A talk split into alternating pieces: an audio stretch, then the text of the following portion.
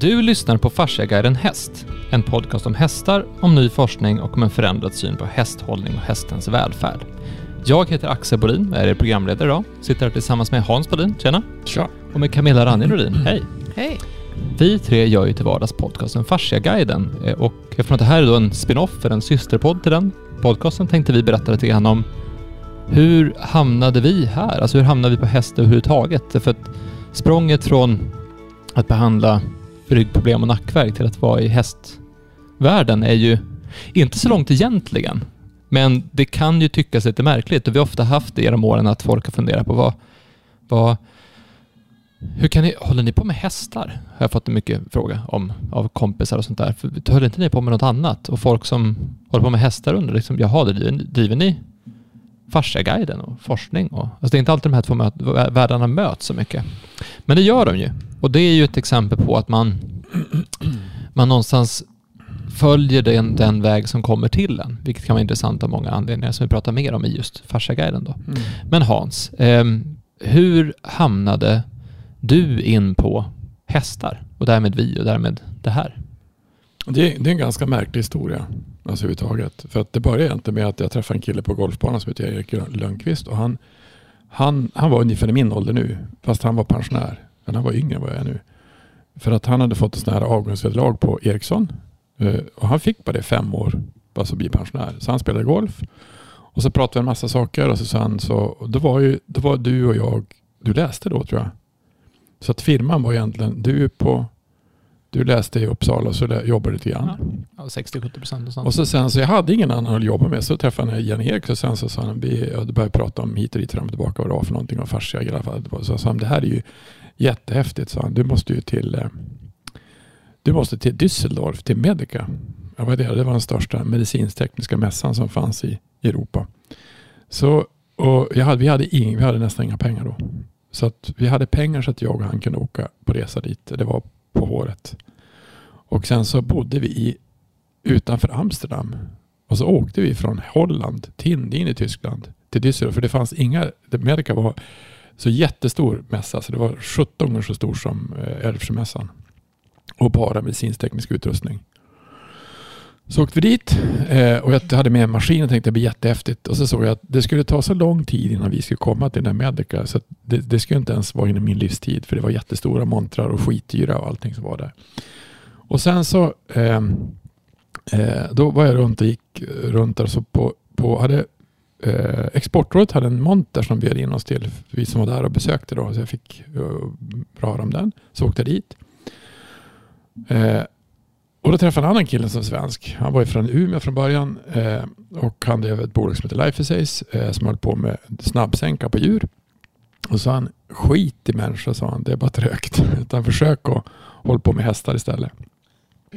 Och då hade vi sålt en maskin till en kvinna som heter Petra i Skåne. Och hon hade behandlat 30-40 hästar tror jag. Och vi hade skaffat den, det enda vi hade, gick in på nätaggregat. Så vi skaffade en eh, så vi hade en person som använde hästar och så hade vi gjort om den lite grann så att den, den gick inte på batteri utan gick på en lång sladd. Och det fungerade fantastiskt bra. Eller hur Axel? För du var ju där och, och filmade henne. När, när du, för jag var ju livrädd för hästar, men du var där och filmade henne när hon behandlade en häst någon gång. Ja, det var hösten, hösten 13 så fick jag uppdraget att åka ner. Eh, och eh, jag var ju så här, men hästar, det är inte alls det vi håller på med. Nej. Alltså för, för mig var det så långt ifrån någonting överhuvudtaget. Alltså jag, jag hade noll koll på hästar överhuvudtaget. Mm. Eh, men jag åkte dit ner och jag pratade med henne och intervjuade henne och så sen så filmade jag en behandling och så sen så filmade jag hästarna. Och det var, det var fascinerande att se hur de reagerade. Alltså dels var det, den som fick behandling var hur lugn som helst, det var jätteskönt. Och den andra som inte fick behandling, han stod bara så här, alltså, han stod och svängde med huvudet och liksom så bara log och bara så, ja, snart är det min Alltså han var så påverkad av att den andra hästen fick behandling, av ljudet och vibrationerna och säkert av oxytociner som spreds i rummet, eller i stallet och så vidare. Så det var, jag tänkte att det här var intressant och så, så sa jag, men du är det, är det många hästar som har problem sådär? Mm. Be behövs hästbehandling? Typ? Jag har ingen aning. Eh, jo, sa det, det behövs. Det finns många hästar som har, har olika typer av skavanker och problem så att de behöver behandling. Jaha, så ringde jag till dig och sa, så du det här med hästar var ganska, det var lite kul ändå. Vi kanske ska bara öppna upp för det i alla fall. Så då startade vi en, en, en ny hemsida bara så man kunde köpa en hästmaskin. Nej, vi gjorde på samma Nej, det gjorde sida vi, la vi det, in det en gjorde vi sen grej. tror jag. Det gjorde vi på, det gjorde Ehm, på våren sen. Jag ja. tror inte vi gjorde det på en gång på Nej, hösten. precis. Vi gjorde ett annat varumärke. Det gjorde också på hösten. Som heter Fascia Hår. Nej. Atlas Unicorn. Atlas Unicorn. Länge sedan. Nej, det var, det var nog våren sen Ja, efteråt. precis. Nej, så det kom senare. Men i alla fall. och då, då, eh, då när jag kom hem då sa han där på att satsa på häst istället. Och då gör man jag brukar göra så här, då ringer jag runt till folk som jag känner, någon som kan någonting om häst. För häst kunde jag inte ett smack om. Alltså verkligen inte ett smack om. Och då, en kompis med som jag höll på med utmärkelse svensk kvalitet, han eh, kände Erik Adestedt som är en sån där trav, eh, han kör hästar, kusk. Så. Ja. Han körde hästar. Hans pappa håller också på med hästar tror jag. Och han jobbade hos eh, Stig och Johansson. Så att jag träffade Stig och Johansson och Erik Adelsstedt på eh, Edsbacka krog. Adelsson. Adelsson. På Edsback. Adelsson heter han. På Edsbacka krog. Och så sen så eh, eh, visade han maskinen. Så jag satt den. Jag hade behandlat bägge två så de fick känna hur den kändes. Och så sen så, så frågade Stig och Johansson. Eh, har ni några skadade hästar? Alltså, så finns det en marknad ungefär? Och då sa han, är du knäpp? sa han. Det är ju det enda vi har. Eller så, jag har säkert 15-20 stycken som står i stallet nu som är skadade. Men vad häftigt så. Då finns det ju marknad. Och han tittar på ungefär som, är du helt dum i huvudet? Det är klart det finns marknad. Och det, så, så okunnig var vi där. Alltså det var på den nivån. Så jag, jag tyckte det var lite häftigt att du, att lite häftigt tyckte jag var, att du åt lunch med Stig och Johansson. För det fanns två personer jag kände till inom hästsport. Alltså två personer. Stig och Johansson och Rolf-Göran Bengtsson. Det var de två namn jag kunde inom häst. är det sant? Det var, det, det var de två. Det fanns inte en annan jag visste namnet på. Jo, Mal, jo Malin Bajard Hon har varit med på några Lilla Sportspegeln när jag var liten. Sådär. Ja. Alltså, då, men sen så då, då visade det sig att då, eh, vi åkte och behandlade eh, Stig Johanssons hästar eh, och då hade vi, då, han som kom till mig, då flög jag in Petra då ifrån Meller, ifrån Skåne. Och så skulle vi behandla hästar på Stig Johanssons stall och det var 15 stycken trasiga hästar. Och då var det en kvinna som heter, som höll på med laser, jag tror hon hette Laser och något förnamn.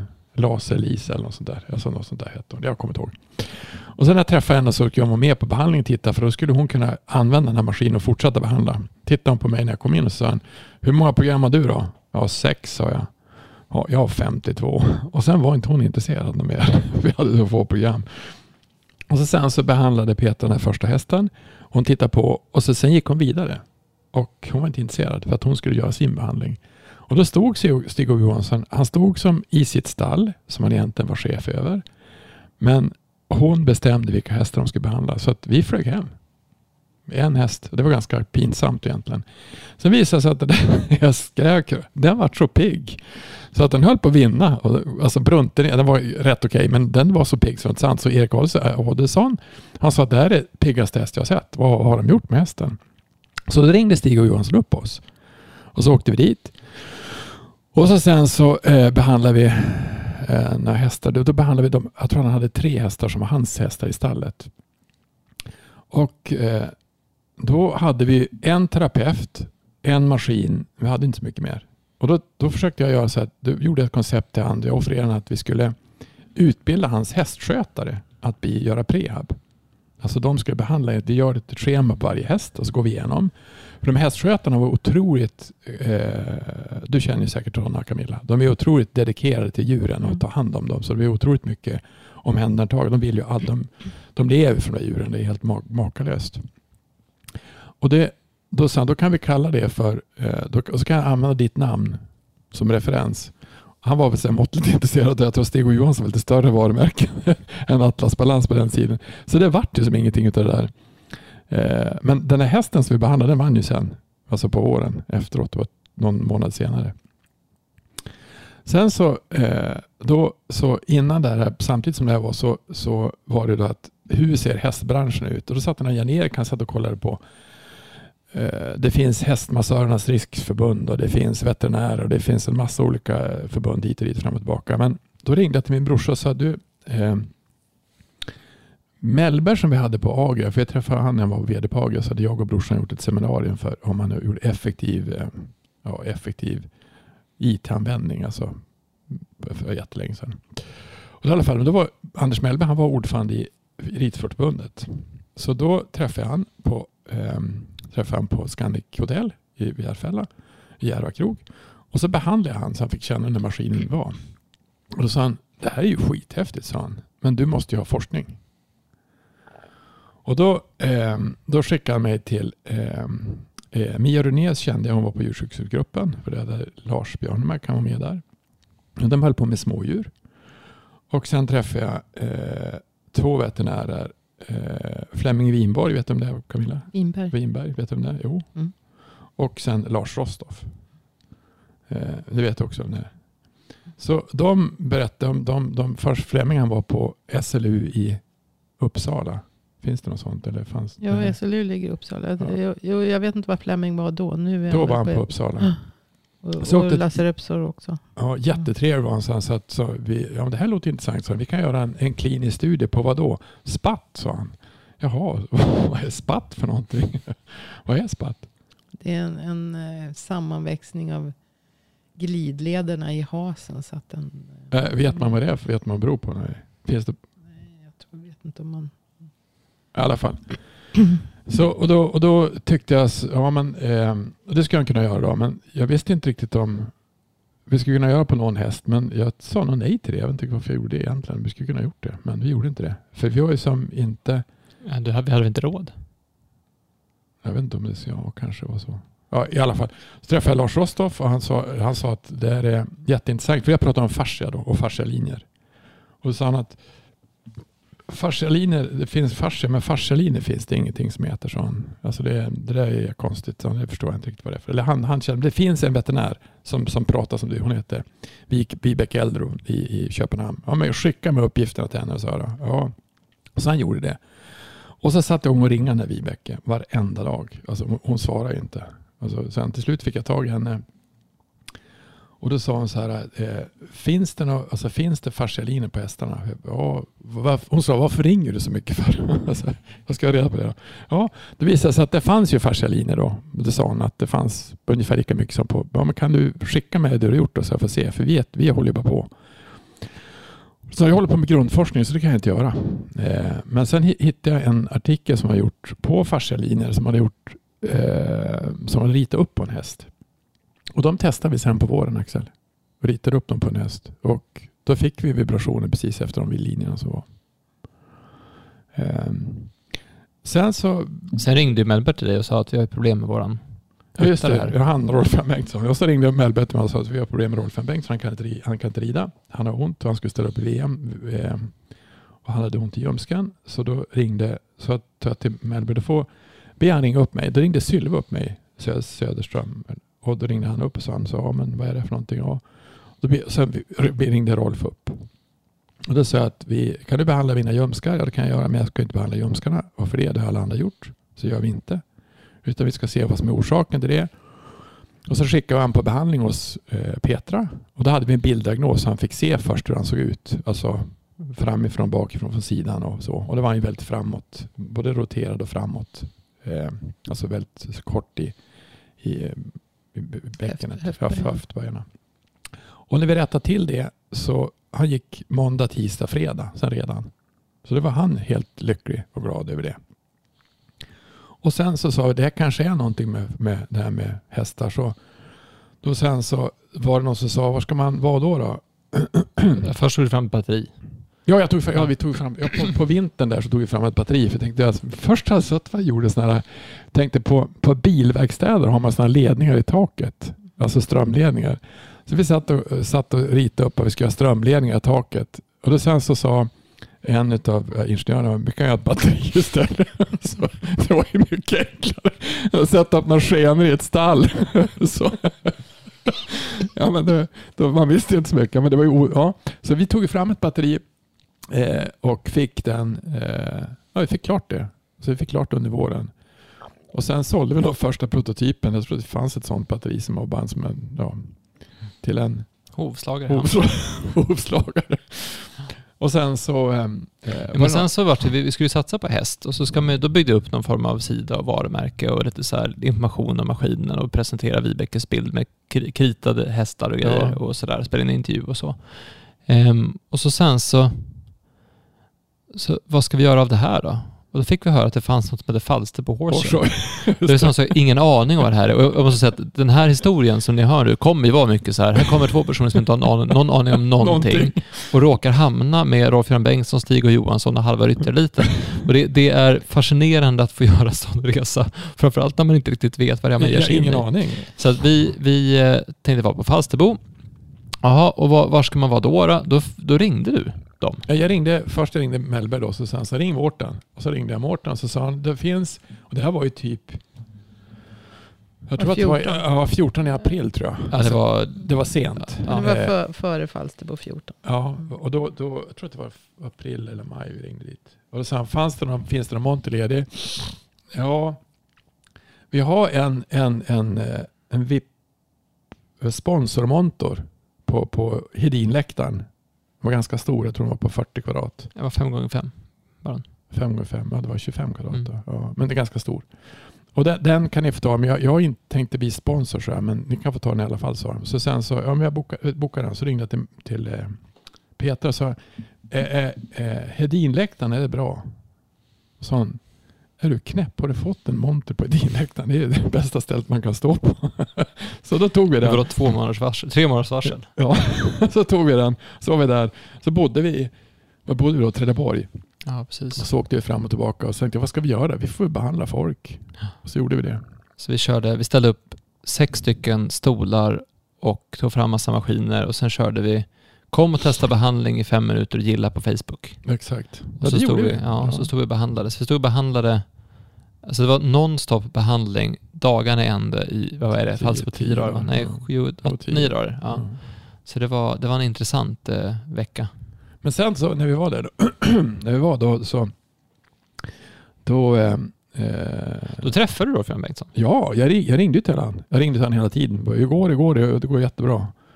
Och så sen så du kan inte ringa mig på, du får ringa mig på måndag eller tisdag. Vadå? Annars rider jag. Så han ringde han på tävlingar. Han svarade, hej det är Bolin. Jag ska in nu och rida, sa han. Jaha. Men hur fick du honom att komma till vår monter? Eh, jag frågade han. Ja, okej. För sen kom han till montern Ja. och så sa du så här, Axel du ska intervjua honom. Så jag fick, jag fick fixa en, en liksom, jag fick bygga upp en studio lite snabbt Ja. med någon form av bakgrund och lite sådär. Och så sen så, så får jag intervjua honom då om hans eh, skada. Ja. Så att det, det jag inte hade tänkt på det var att samtidigt som jag intervjuade honom så var det liksom en klunga med, Folk. med kids och, och fans utanför som stod och väntade på att få göra autograf. Så det var ju väldigt märkligt i alla fall. Men då fick jag intervjua honom om, om hur behandlingen funkar på honom och hans eh, ljumske och hit och dit fram och tillbaka. Och så frågade han vad ska ni ha den till? Vi ska, vi ska ha den på Youtube, så jag. Jaha, det blir bra det, sa han. Ja. Och så sen så ehm, Sen var det inte så mycket mer som hände den, den vi var. Det, det kom förbi någon sån här Eh, det var någon som ja, Det var några kändisar, så Eddie Macke. Vi visste, vi visste inte vilka det var ändå så det spelar ingen roll. Men det var en del som var på behandling och någon vart av med migrän. Och någon, sen var det så att jag tyckte det var tråkigt på, från början där första veckan. Så jag sprang runt och behandlade alla i montrarna så alla visste vilka det var. Så de skickade ju utställarna var också rätt, rätt dåliga. Och Jana Vanjus behandlade ju och de, alltså massa människor som var där sprang jag på som behandlade Mm. Eh, sen var det inte så mycket mer som hände med hästen att vi Du gjorde en forskningsstudie på hösten också.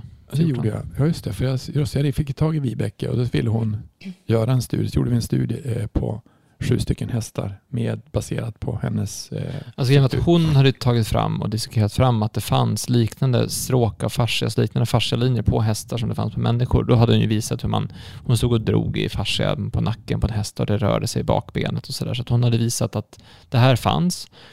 Och då passade hon på att använda våra maskin för att validera att det var så. För att om, om det nu är som hon säger, då borde man kunna sätta maskinen i nacken och få en effekt i benen. Just det. Och det använde hon studien till.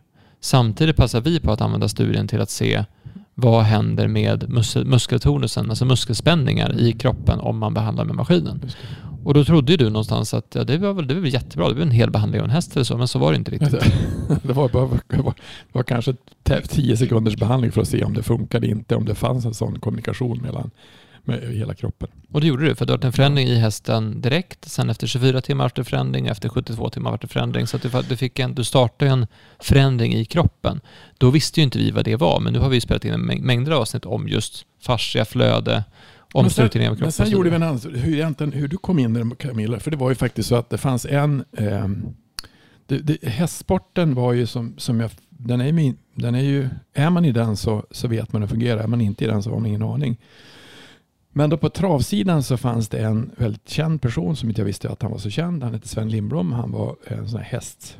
En hästgubbe. Alltså han var väl veterinärutbildad från början. Han var duktig på hästar. Han, han har kartlagt alla han hade såna här, eh, vad heter, stamtavlor på alla hästar som fanns. Han hade varit med på alla såna här avelsmässor och allting som var.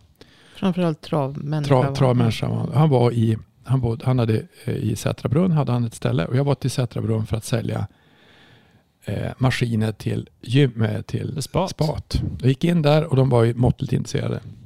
Och så gå och prata med Sven. Och så gick jag och skulle leta efter Sven. Och jag åkte runt. Det var ju så jävla mycket hus där. Så jag visste inte ens var han var någonstans. Jag, de han är där borta vid stallet. Vilket stall? Och stallet var ju vid, det var vid en bensin, före detta bensinstation nere på andra sidan vägen. I alla fall så jag åkte dit. Ringde till honom, åkte dit en vecka efteråt. Kom dit. Visade maskinen och så sa vad den kostade. Sa han, lycka till du kommer inte sälja någon. Sa han. Okej. Så gick vi och kollade på när han skulle behandla. Och så gick vi ner och så hade han då en travhäst som var jättespänd i, i, länd, i ländryggen eller i korset bak. Och eh, eh, men vad ska jag göra med det där då? Det var ju som en platta, så stenhårt. Ja, eh, kan, du kan ta din maskin och köra det. Det gör jag inte, så jag. Du, jag behandlar inte en häst, det får du göra. Så fick jag på honom maskinen och så behandlade han den i fem minuter. Sen vände han sig om och så ger han mig en kram. Men vad har du gjort, sa han. Och då släppte den här spänningen på en gång så han var helt salig. Och sen så köpte han den här maskinen till oss. Och sen så, det var så du kom i kontakt med maskinen egentligen från början. Tror jag. Mm, jag kommer inte riktigt ihåg. Men det var via Sven Lindblom som, som jag såg maskinen första gången. Men det var inte alltså personlig kontakt med honom. Utan Men det, det var var vi, år- det var när jag satt och googlade. Ja. Året efteråt. Det var, det var 15. Ja. Det var sommaren 2015. Ja. Som, eftersom jag, jag, eh, ja, jag är ju husdjursagronom och sen hästmassör. Så jag hade bestämt mig för att jag skulle börja jobba enbart 100% med att massera, behandla hästar. Mm. Eh, då, i början på 2015. Men det har ju varit mycket, du har ju behandlat Ja. alla möjliga hästar. Ja. Men, men då så, så, så jag går, jag vet inte vad, men jag råkade i alla fall se maskinen på, på nätet via Sven Lindblom. mm. Och, och, och då ringde jag upp Ivar och så sa du, den där vill jag ha. Ja. Efter vad Sven sa då. Men, men, men, eh, och då så, sa Ivar, du kan få låna den och testa. Nej, jag vill ha den. Så skicka den fortast möjligt. Jag hade en, en häst som hade problem med, just med länden och, och Mm. stel och, och dan. Och, jag, jag vill ha den fort. Så jag fick den dagen efter. Han var snabb som tusan Ivar. ja, jättesnabb. Mm. Men du har ju haft den sen... Eh, det var 2015. sedan hösten 15. men du har bara det, behandlat... ja, det, är, ju- det är ju sju år nu va? Mm. Men eh, sen så samma sommar var vi på Falsterbo igen. Träffade Göran Bengtsson igen och då hade han ju problem med att hans hästar var inte riktigt i form inför OS Den, 2016. att den var väl två, du, du kan väl du mer, men han, han ville ju inte ställa upp med Casall. Casall var för gammal för att flyga till Rio. Tyckte han. Mm. Eh, han körde mest Casall i Europa faktiskt. Ja. Han körde... Han, Han hade, han hade inte Casall på long flighter därför att det var, Ja, Doha hade han ju Casall. ja men det var inte, inte så long flight, Nej. det längre till Miami än till Doha. I alla fall Casall gick ju på, han hade ju, jag visste inte hur det var heller, men, men alltså han, han, eh, jag träffade Rolt och sa, vi- du får vara vid framridningen istället, lättare att prata med dig då, för jag vill inte träffa vara- för att gick han ut i det här, där alla andra var, då kom han det tog ju två timmar att ta sig tillbaka efter alla autografer han skulle skriva. Så i alla fall så säger jag att du har gjort reklam för oss i ett år. Eh, eh, jag tror jag kan, då var han precis med i OS-laget eller inte. Det var som på gränsen att han var med eller inte. Så jag kan få, mig, jag kan få det till OS. Eh, hur då? Ja, men jag kan behandla med, vi kan behandla dina hästar med, med maskinen. Kan du något om hästar? Inte ett smack, så jag. Men jag har en jätteduktig hästterapeut som kan behandla hästar. Och det heter Märta Lindqvist. Och så sa han så här att ja, men kom till mig då och hälsa på mig. Han skulle gifta sig så, sen så, så bokade vi ett datum och det var någon gång i november. ja. Och då, eh, då sa vi till, eh, eh, då sa vi det att vi åkte dit. Eh, och det gjorde vi. Så vi åkte dit och sen så jag, Märta och Ivar och träffade han. Och så sen sa han, hur, hur kan det komma sig att du är här? Ja, du bjöd hit mig, det hade han glömt bort. Alltså, det var så mycket saker som hände där i alla fall. Så. Men då behandlade vi hans Evis häst.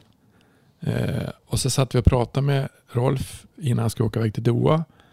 Och det var jätteroligt för Ivar satt och frågade hur mycket reser du? Vad gör du för någonting? Jag reser 45, tim- 48, 45, 45 veckor per år. Då säger Ivar det måste vara jobbigt. Hur är det egentligen? Och sen satt de och pratade en timme för han, han hade aldrig hört någon som har ställt så mycket frågor som Ivar gjorde för att han var gärna intresserad. Hur är det att ha ett sånt liv?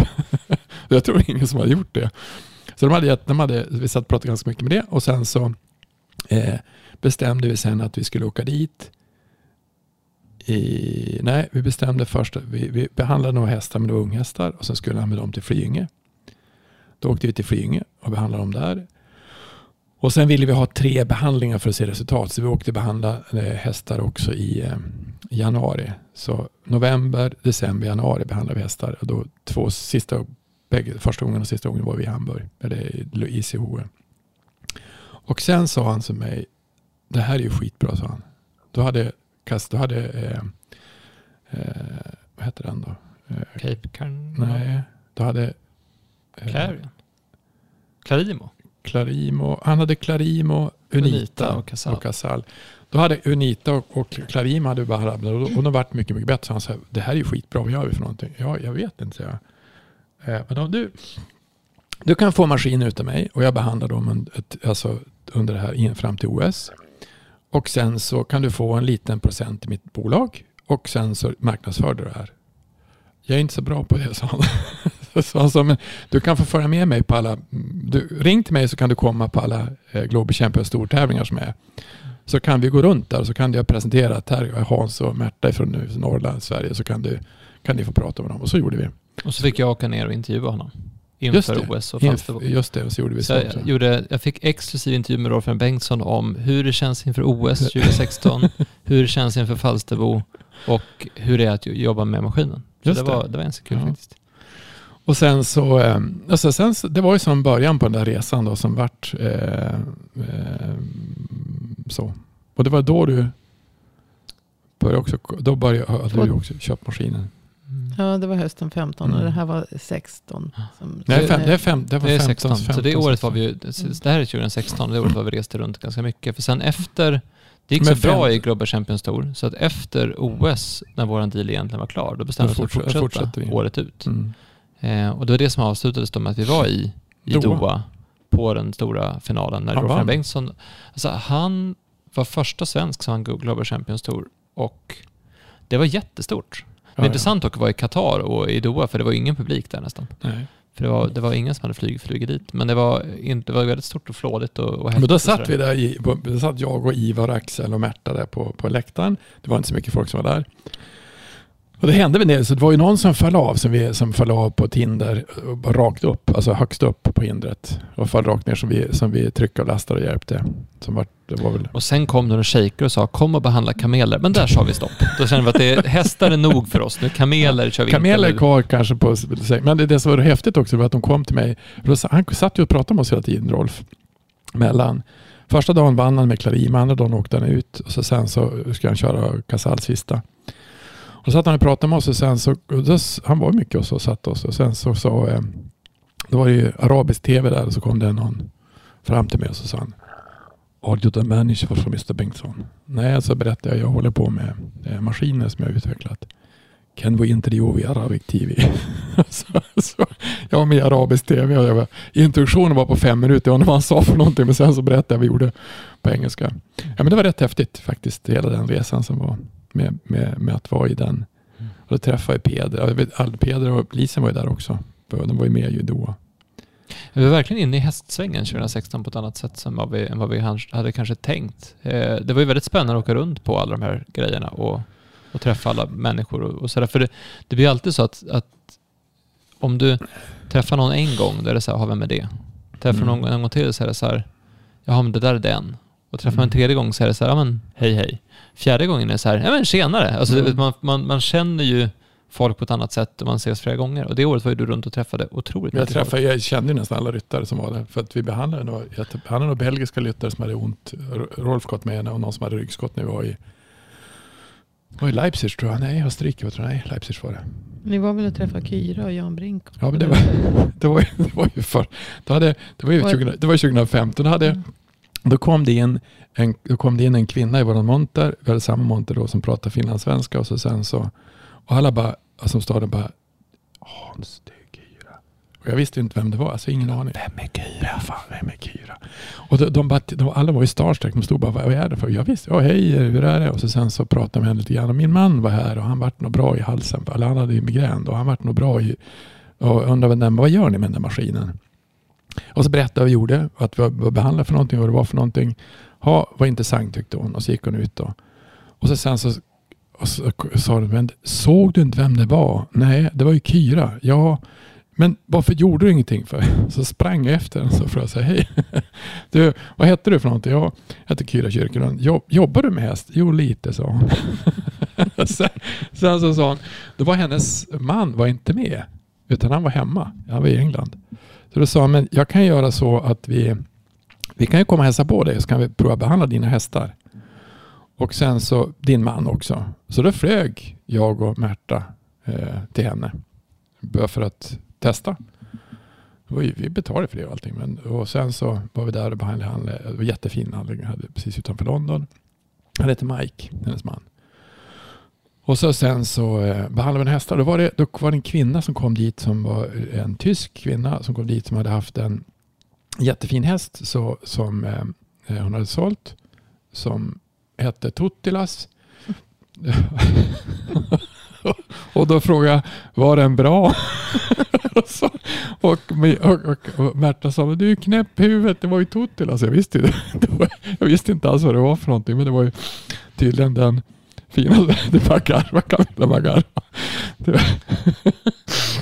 Men vad var Tuttilas? Så det var- Visst var den fantastisk? Världens bästa dressyrhäst. Ja, exakt. Och hon, hade, hon hade flyttat, hon hade sålt hästen och flyttat från, hon nästan flyttat från Tyskland för att överleva. Det var ju uppror att hon hade sålt en, en given guldmedaljör för Tyskland Mm. till någon chock. Jag vet inte vad har sålt Mm. Nej, men någonstans tror jag också att det här, den här approachen är att man inte riktigt vet vad, vad det är som händer. Och så där. Jag, tror, jag tror det måste vara ganska skönt för alla de här kända människorna. För att är man inne i hästvärlden, det vet ju ni som lyssnar som är inne i hästvärlden, så är det ju ganska det är ju, en, det är ju verkligen en, en sluten krets. Ja, eller sådär. Alla vet ju vilka alla är, fast vi som är utanför har ingen aning Ingen vad som händer där inne. Men sen, var det, sen, sen sa Kyra att det här var riktigt bra. sa hon kan inte ni komma till knytkalaset? Vad är det då? Ja, det är lite grann när vi har träffats allihopa. det, var, ju- det var ju landslaget i dressyr hos Jan Brink. Så var vi till Jan Brink. Och då skulle vi behandla, eh, det var ju alla var där. Eh, alla ryttare var där. Förutom alla. Och då hade jag en kort föreläsning om fascia vad var för någonting när de satt och åt lunch. Och så sa Jan Brink, äh, det jag, han sa inte, så här, så här känns det. Och så gick jag och behandlade han. Det här var bra, sa han. Du får ta min häst. Sen var det kö, så vi på oss med flyget tillbaka. Så, det var vi, så vi var mycket ute. Alltså på ett, ett år var vi hos Ja, det, vi pratar ofta om, om vad som händer när man, man sätter igång någonting och så leder det till någonting. Alltså man vet ju aldrig vad, vad som händer när man gör någonting, vilka konsekvenser det får. För att Mm. eh, Falsterbo 2017 då, då är det en kvinna som kommer fram till mig och tittar mig i ögonen och säger så här. Dig har jag letat efter. Och de säger det på engelska. Ja. Det är du som, ja, jaha, vem, ja det är du som har maskin. Ja, det är vi som har maskinen, ja precis. Jag ska ha en maskin, men jag bor i USA, men alltså, vi säljer inte till USA. För, för det är, alltså USA, där är det massa andra regler och lagar. Du, jag pratar med Rolf och jag är fysioterapeut för Ja. hästar och Ja. jag vill ha den här maskinen. Ja. Jag bara, okej men du kan få låna den så ser vi vad vi kan lösa sen. Då hette hon Janice Marquis och hon var eh, fysio för amerikanska landslaget. Då Camilla bara skrattar. och så sen så fick hon låna den då under fyra dagar i Falsterbo och så sen så sa men då, får du ställa upp på en intervju. Så intervjuade henne och säger så här, hur var det? Hon bara, det här, det här var helt fantastiskt. Mm. Eh, men det är ett problem. Ni säger att ni inte säger till USA. Jag åker inte härifrån utan en maskin. Ja. Eh, så vi löste det på något sätt. Jag vet inte om vi, Hon tog vi med sig den. Hon tog med sig den, precis. Eh, och sen behandlade hon hästar då. Mm. Och då höll de till i, i Wellington, eh, framför allt va? Mm. Eh, I Florida. Ja, under vinterhalvåret. under det- vinterhalvåret. Och så sen så, ja men då fortsatte han att behandlas. Fast det var, ett- så var, egentligen var det så att Lauren Huff, när vi var i Österrike, då behandlade vi eh, Henrik von Eckermann hade ont i axeln. Och så behandlade vi hans axel och sen kom han, och sa det är första gången jag sover på ett halvår. Och då Lauren Huff hörde det och så sen så behandlade Lauren Huff och så sen så behandlade hennes hästar och sa han, Hans du måste till Florida. Nej, det ska, jag inte- ska inte, så jag ska inte till Florida. Hon var skitbesviken på att jag inte ville åka dit. För att åka till Florida, det, det, hade varit, det hade inte gått. Vi hade inte maskiner för det. Vi hade inte eh, bolag för det överhuvudtaget. Men det var hon som hade, alltså, James Marquez var Lauren Huffs eh, ekviterapeut och landslaget. Så, men sen så, så eh, sen var vi på, sen var vi, ja men det har hänt mycket. Sen tju- 2017, var det 2017 som Bingo var i, nej, Mont, nej, 18 var det va? Nej, 17 var det. Mm. Då var vi på Falsterbo så regnade det och så sen så, eh, vad heter han som är speaker nu då? Som har, Stefan Fur. Stefan Fur. Han, han var speaker på Folkvagnsmonter. Han har ju träffat på en massa tävlingar. Eh, eh, och sen så sa han, du Hans kan inte du komma och behandla någon på scen? Det, det regnar lite grann här. Alltså det, det är tråkigt. Det, alltså det, ja, det, var, det var, hände inte så mycket. Det var, jag tror inte det regnade men det dog. Jag skulle dugga. Och sen, vem jag ska behandla? Bingo är med. Ja, vem är det? Vet du inte vem Bingo är? Så kom Bingo då. Och så sen så behandlade vi Bingo det med. Vi dansat med han till fyra på natten, minns du det? Det var, kom, det var på Elmia. det var på Elmia. Och så kom han då, så behandlade vi Bingo. Han satt ju inte still i stolen. Och så sen så, var- då var jag uppe på Instagram. Då var det, var det Anders fru hade sett oss på. I alla fall. Och så var vi, körde vi han då. Och så sen så var det en till som vi behandlade som hade, eh, jag behandlade tre stycken live på scen. Det var ganska intressant. Varav en hade whiplash. Eh, och det visade sig att då sa hon, hon som, då var det folkvagnsmonter. Och då sa de, kan inte ni behandla med oss istället? Stå på våra monter och behandla. Ja, kan vi väl göra. Men jag tror det var som en löst, här, något bara som har fläkt ur sig. Men så i alla fall, så då så har de sagt, nu är det Elmia, eh, vi har en monter där, kan ni komma dit? Ja, kan vi väl göra. Och då var ju, då var ju du med. Då åkte, vi, Mm. då åkte vi dit. Och så sen så satt vi där och behandlade folk. Då Rolf var förbi, en massa var förbi. Då, men då kom ju Lotte Vanjus som var eh, Janas fru. Hon hade ont i en tå var det va? Ja, det var inte Och då behandlade vi henne. Tåfoten. tror Nu, nu kanske alla vet att det är de som har Falsterbo, men jag... Är, Nej, det, det är är det de- allmänt känt eller? Nej, Lotte Vanjus är de som har och Jana, Jana Vanjus är han som Hästfolk är ansvarig. vet nog det. hästman. Mm. Han. Och i alla fall, då kom Lotte Vanjus dit och så hade hon ont i en tå tror jag det var. Så behandlade vi henne med fyra maskiner tror jag. Visst gjorde vi? Mm. Du hade två, jag hade två i en halvtimme. Och sen var det samma sak. Det var första gången hon kunde sova också. Som vart helt, tyckte var helt fascinerande. Och hon köpte en maskin själv. Och sen sa hon, de måste komma till Florida. Och då sa jag till Camilla, har du lust att hänga med till Florida? Och sa- Nej, Nej, absolut inte. Är du flygrädd? Nej. Det var Axel som ringde mig i, i januari eller något. Tror jag. Vill du åka till Florida i, i mars? Nej, absolut inte. Så. Sa han, det var i alla fall ett snabbt och beslutsamt Men sen sa dina, så, sa din, dina Ja, det var min, Familjen mina, familjen som sa du är dum. Korkad. och då i alla fall så åkte vi till Florida. Vilka? Det var du och jag och... Det var bara vi. det var bara du och det jag var som åkte första året. Första gången. Så åkte vi till Florida och så sen så kom vi dit och när vi landade så sa det här är konstigt. Så, så åkte vi åtta filer motorväg. Det här är konstigt Hans. Det här är konstigt. Vi till Wellington där de hade övergångsställ där man kunde trycka på en knapp två meter upp i lyften. Hästar, alla satt ju på hästar. Eh, och eh, det här är konstigt sa du. Och så träffade vi Jim Ritter. Och vad heter hans fru då? Ann. Anki Bengtsson. Anke Bengtsson. Och de lotsade runt så, så först var vi till, vi var till, eh, vad hette hennes stall då?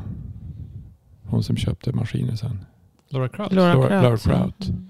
Eh, och då behandlade jag, då kom först, då behandlade jag hennes syster som var stallchef. Och så fick hon känna på det. Och precis när jag behandlade, hon kanske behandlade henne i tio minuter och kom Laura in och sa You must try this, this is amazing.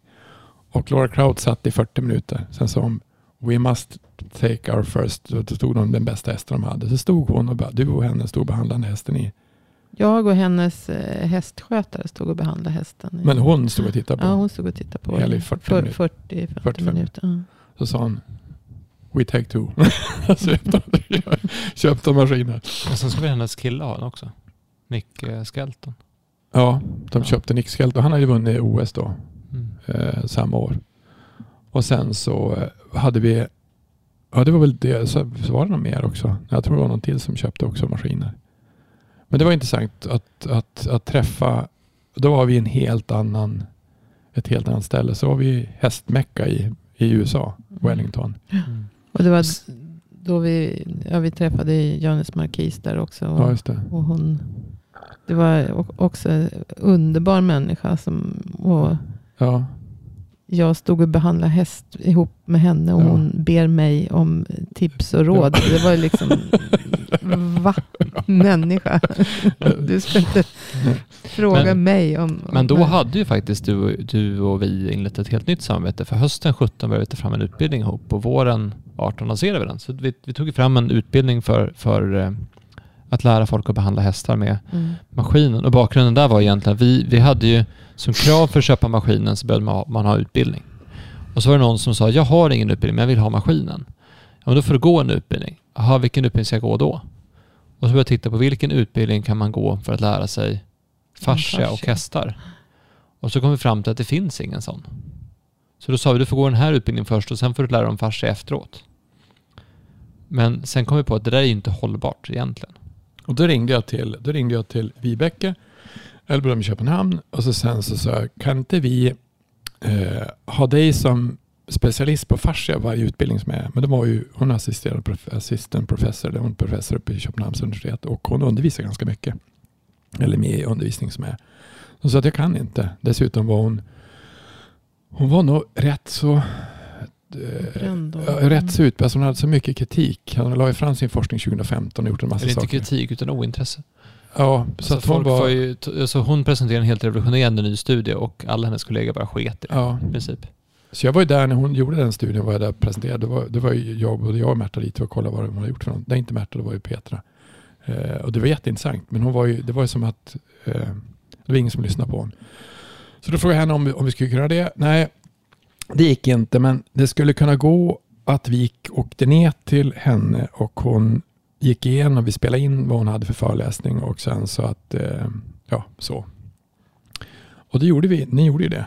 Mm. Ni, då var ju inte jag utan ni två åkte ner till och träffade Vibeke. Ni var väl där någon dag eller? Vi var där en lördag i början på februari 2018. Mm. Mm. Och Och så hur in, var det tre timmar föreläsning ungefär om fascia och hästar och fascia i allmänhet.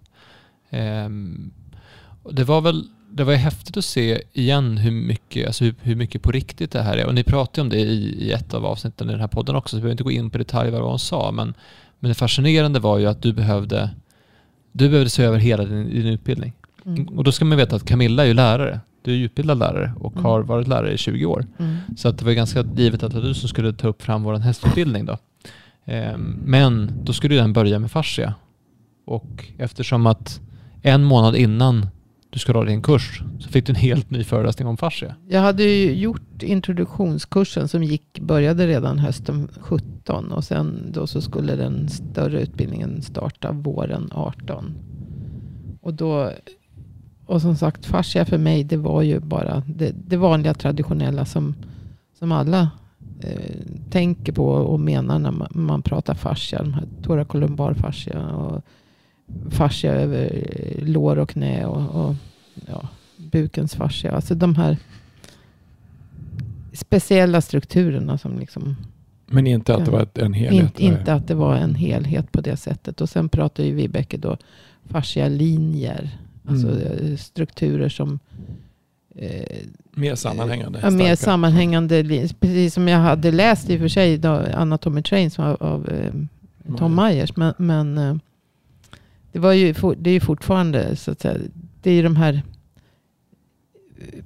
vad heter, kraftöverföringslinjerna Mm. så att säga. Som, som för kraften vidare. Men det, det var ju fortfarande inte.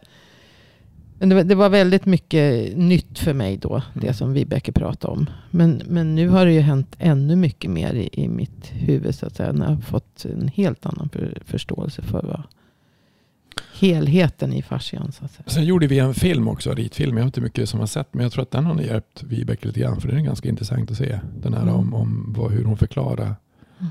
orkestern eller vad det är hon kan Mm, förklara vad fascia är för mm, någonting. Men det som är intressant också, inte bara ridsport som vi var inne på. Vi höll ju på att åka iväg till, eh, vi varit erbjudna att åka iväg till Qatar och behandla kameler på ett kamelsjukhus. Det har vi inte gjort. Kanske måste göra det i alla fall. Men, men det, som är, det som är intressant är ju att eh, eh, vi har jobbat med dressyrhästar, med ridhästar. Det var, ju, det var ju Warendorf också, för fälttävlan. Ja just det, i jag också. Var det Sara Algotsson hette va? Sara Algotsson var det. Det är den enda häst jag har behandlat. Vega. Ja, Vega. Mm. Och den kom ju tillbaka. Den vart ju bra efter den. Alltså de fortsatte behandla den sen. Eh, och den kom ju tillbaka. Den var ju avst- eller vad heter det, utrangerad. Mm. Men kom ju tillbaka. Och hon red EM med den tror jag efteråt. Jag tyckte ju att fälttävlan skulle vara ett perfekt sätt för att göra behandling mellan tävlingarna. På samma sätt som man skulle göra sak mellan första och andra omgången i, i hoppning. I laghoppning. Behandlar du henne flera gånger? Vega? Eller Nej, vi, en? behandlade, jag, jag behandlade, vi behandlade en gång. Sara fick behandla, jag visade vad hon skulle behandla någonstans. Sen tog hon dit en veterinär och så fortsatte de behandla den strukturen som vi hade sagt. Då var ju, men det var ju också 20, när var det då? 20? Det var nog samma, jag tror det var samma fe- 15, 16 allt Ja, det där då- var. då- 16 tror jag det var. Ja, 16 var det. Men det som Mm. var intressant som, som nu är det olika som lyssnar på det, men många brukar ju prata om travhästar, men du har ju varit, du har ju också varit och behandlat mycket travhästar. Mm. Berätta mer om det. Vilka travhästar? Du är Delicious har du behandlat? Ja. Vi be- vi behöver inte namedroppa, men vi kan ju säga att, att det, det, det, det blir lite Det är inte ett skrytavsnitt här, utan det är mer att berätta om en historia. Men det intressanta är ju att det vi upplevt är ju att när... Eftersom vi inte kan någonting, vi kan ju fortfarande ingenting om hästar i princip. Nej. Och så sen, så det är lite samma sak som människosidan, att vi har tagit fram en maskin som funkar väldigt bra. Men eftersom vi inte kan någonting om hästar heller så har vi satt den i händerna på folk som kan någonting. Och så har de fått lära sig av maskinen med maskinen. Mm. Och sen har vi samlat in den här kunskapen för jag har haft olika typer av användarträffar och användarforum och liksom byggt upp nätverk av folk som är bra på att behandla under alla åren också. Mm. Så att behandlingen har alltid utvecklats. Börjat titta på case och behandlingsrapporter. Och så börjar jag samla in forskning för att se hur saker fungerar i kroppen. Och Det här gör ju att behandlingen hela tiden har blivit bättre och sen har ju den kommit ut och så har folk frågat hur gör man med det här? Och så sen så tänker vi, jag har ingen aning, vi får kolla upp det och så Mm. testar vi och så tar vi fram det där. Och där någonstans kom ju utbildningen fram också. Och det är häftigt att se vad, vad som händer med när man, när man jobbar på det sättet. Därför att vi hade egentligen aldrig någon, någon jättestor ambition om att vara att den här maskinen skulle finnas överallt över hela världen för hästbehandling. Utan det har Mm. mest bara blivit så för att ja, men Janus Markisson kom och sa att jag ska ha maskin. Mm. Lara Kraut kom och sa att jag ska ha maskin. Och det ska Nick också ha, så det är så. Mm. Eh, och Rolf Jan Bengtsson, ja, där, det krämde oss in lite grann, men sen sa han att det här var ju skitbra. Låt oss köra på det här. Mm. Och det är samma sak med travstallen. Där är det intressant för att många så här elitstall inom trav, de delar inte gärna med sig av vad de gör som fungerar bra, för det Mm. får ju effekt. Mm. Eh, Så då vill man gärna hålla det som sin konkurrensfördel. Men, men, men det var någon gång, något elitlopp, något elitlopp där vi hade... Men maskinen spreds väl bland ja, travhästar före ridhästarna? ja, precis. Ja. Men, men eh, det var något elitlopp där vi hade... Jag tror vi hade 50% eller 60% av hästarna som var med var behandlade. Mm. Och det var fascinerande nu när Sverige vann OS-guld i, i eh, laghoppning senast. Eh, för jag minns att jag såg den finalen och hejade på båda lagen. Därför det ena Bra. laget var ju eh. Sverige och folk som jag kände. Så jag kände ju Rolf, han var med som teamleader så, så, här, och så runt. Och jag hade ju, de andra har man ju träffat och hängt med Mm. och sådär så. Eh, men det andra laget, det var ju, det var ju Mm. Janus och det var ju Mm. maskinen. Det var ju liksom, så, att, så det svenska landslaget vann och sådär, men amerikanska landslaget var ju, det var ju våra kunder. Mm. Och det är lite kul Mm. att det kan vara lite så. Mm. Men sen så, det var där någonstans varför vi sitter här idag, att vi utan bakgrund inom det här så tog vi fram maskinen, behandlingarna, vi tog fram utbildningen för att hitta en duktig utbildare. Vi har tagit fram nätverken för att hitta mycket duktiga terapeuter. Vi har fått spridning på det här för att det har hänt massa saker. Men sen så, dels så flyttades ju vårt intresse, ditt och mitt intresse, Mm. flyttades ju över till till fasciaguiden och till fasciakliniken och till andra som var på med. Fast egentligen var det så att vi hade, ju, alltså, vi hade kunnat gjort, för två år sedan kunde vi gjort på ett, alltså det som om man rent strategiskt eh, sett ifrån vårat håll. Så det sa väl Stilström också, en av som delägare i vårt bolag. Alltså att man, man, man tar inte bort det som går bra. Alltså det som gick Nej, bra. men- alltså men det vi- som vi hade ja. tänkt att göra egentligen, det var ju att vi hade tänkt att, att utveckla häst först i I Tyskland. Tyskland. Men sen kom ju pandemin. Ja, och då vart det något annat. Och sen Ja. har ju fortfarande eh, hästbranschen har ju fungerat, nu den kanske, alltså behandlingsmässigt så har den fortsatt att fungera. Men, men industri, alltså själva tävlings, tävlingar och sånt har ju gått ner. Men de behöver fortfarande underhåll, hästar. Men det som är spännande, jag vill komma till, det som är spännande nu med den här satsningen med den här podden, är att nu Mm. finns det ju, nu är ju Camilla med på heltid på ett annat sätt än hon var Mm. förut. Nu är Jennifer med och är jätteinvesterad i det här på ett Mm. annat sätt än förut. Nu är Jenny inne och verkligen brinner för det här också. Så att nu har vi ju, vi har ju personer på plats i verksamheten som verkligen, verkligen brinner för hästar. Alltså de brinner för hästar så mycket så att, så att Jennifer, hon, när hon började prata om häst på någon träff som vi hade, det var som att hela hon bara sken upp. Mm. Och så visade det sig att hon har liksom tänkt att ja men, ja, det är ju ganska kul det här men alltså det är inte det här jag brinner för. Och så sa vi, vill du jobba med hästar? Hon bara ja. Ja. Och, och Jenny hon sa så här att, du, jag tänker vara med. Ja, får inte jag vara med då blir jag arg. Ja, så. Och det är kul att hitta människor som brinner för det här på det sättet. För det, Mm. om, om, om vi kunde lyckas göra så mycket som vi gjorde utan att Alltså, Utan alltså, att förstå utan, någonting. utan att veta om någonting, så, eller förstå någonting. Det kanske var därför som det gick så bra. Jag, tror jag, jag pratade med Rolf någon gång. Alltså, även, jag, det var ju mycket saker. Vi, vi hade ju mycket diskussioner med honom på tävlingar. Hur det var och sådär. Eh, det kanske, men men eh, det är ju ett ensamt yrke att Mm. vara tävlingsryttare. Och man får ta mycket på sig mycket ja, negativt och positivt, men mycket negativt också. Men vi vart ju inbjudna, både jag och eh, Märta vart ju inbjudna när, eh, när Casall avtackades 2016. Då flög vi till Hamn. 17, 17. 17 var det? Nej. 17 var det. Våren 17. Det var 16 han vann. På hösten. Var det? Ja, då var det, Jo, vår- det var vår- våren våren 17, 17 var det. Då åkte vi För, dit. för jag hade varit ja. Och så sen så eh, då var det, då var det eh, Global Champions Tour i Hamburg. Och jag var där och Ridsportförbundet var där.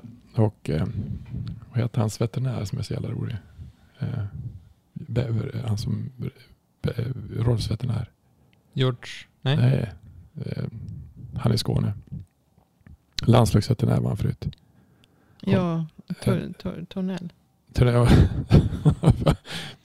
Han- har ju fjärde ord i alla fall. Då, eh, då tog vi dit och så sen så kom in på Hamburg. Jag skulle gå och köpa, eh, eh, skulle köpa mat till jag och Märta. Kom in och så sen så tar jag fram ett kort och så sen så no, we don't. det är bara cash som gäller här. Så var jag inne i Global Champions Tour utanför Hamburg och jag hade inga pengar. Jag vad fan? Och, och, och vad ska vi göra nu? Gick jag till, vad heter han, Tunnel? Nej. Tornell. Ja, mm. Eh, och så sen så, kan jag få låna pengar av dig? Ja visst sa han. Och hade hur mycket pengar som helst. Jag lånade väl ja, tusen euro eller något sånt där. Nej, nej hund- jag vet inte, tusen, två tusen spänn eller något sånt där. Eh, och så sen så var det då, eh, ja, var det, då hade alla, det var 15 000 i publiken, alla sådana här kasall, eh, eh, eh, dukar på sig. Som näsdukar som kasall på som man slängde ut sen när han red ut sista årgången. Då. Så var det första kval. Då vann Peder-kvalet. Stor, stor första sidan i, i tidningen var att Peder hade vunnit kvalet. Men sen var det ju en till tävling och det var ju eh, hela alltså Global Champions Tour. Det var ju om, omhoppningen då. Och tror inte att Casall vinner på sista tävlingen han har, vinner han om, alltså på tidstävling. Och då säger, då säger det är precis som Benny Guldfot sa han. Det är precis som att om Björn Borg skulle ställa upp nu och spela med träracket och allting och så kommer han in och så vinner han Wimbledon. Det är lika tokigt sa han. För det var ju som att det var ju osannolikt att han skulle vinna. Och det var ju rätt häftigt. Han avslutade med att vinna Global Champions Tour i Hamburg. Sista tävlingen han hade. Häftigt. Mm. Så det var mycket häftiga saker vi var med om i den där resan. Men det är det med, med häst, hästfolk. Du sa att Jennifer skiner upp. Och det, det förstår inte folk som inte är så eh, begeistrade i häst. Så att säga. Jag tänker det ofta. Jag har ju en man också som, som i och för sig accepterar hästarna som in, inte brinner för dem på det viset utan tycker bara att de kostar pengar och tar tid. Eh, men, och jag vet att Lotta frågar ju mig nästan eh, lite då och då. Ja, eh, ja. Din fru, Ja. Axels mamma. Mm. När ska du, ni lägga av med hästarna? Och liksom, när, Ja. men hur länge ska du hålla på med det här? Men. Alltså, är man sån, det, det, det, är ett, Det det, ett det kall. kommer aldrig sluta. Nej. Det är liksom, jag brinner för det så, så att Mm. när jag dör Mm. så slutar jag väl med hästen. Mm. Nej, alltså allt ifrån, allt ifrån eh, trevande start till att försöka förstå en bransch, till att träffa veterinärer, till att ut, göra forskningsrapport, till att vara i världens hos världens bästa ryttare det året som man var, till att åka iväg till USA två gånger, till att föreläsa för amerikanska eh, landslaget och veterinärerna i USA om fascia och vad gjort för någonting. Så var det en ganska otrolig resa på tre år. Ja, sen som vi räknade ut 2019 tror jag var att det var jag tror vi räknade på att det var 10 000 hästar per månad som fick behandling och sånt där. Mm. Det är helt sjukt hur mycket som har hänt på, på så kort tid. Mm. Alltså hur mycket som det sprids. För det, det är så här kul när man ser på det, ser på det i backspegeln hur fort det gick ändå att komma in i, att komma in i hästbranschen. Mm. Och det måste ju någonstans vara ett tecken på att det, på det, vi, gjorde, på det vi gjorde någonstans Ja, bra bra. någonstans. Eh, och så nu är, nu är vissa försäkringsbolag börjar ersätta det och det börjar, vi, det börjar hända grejer kring det. Mm. De flesta försäkringsbolag ersätter.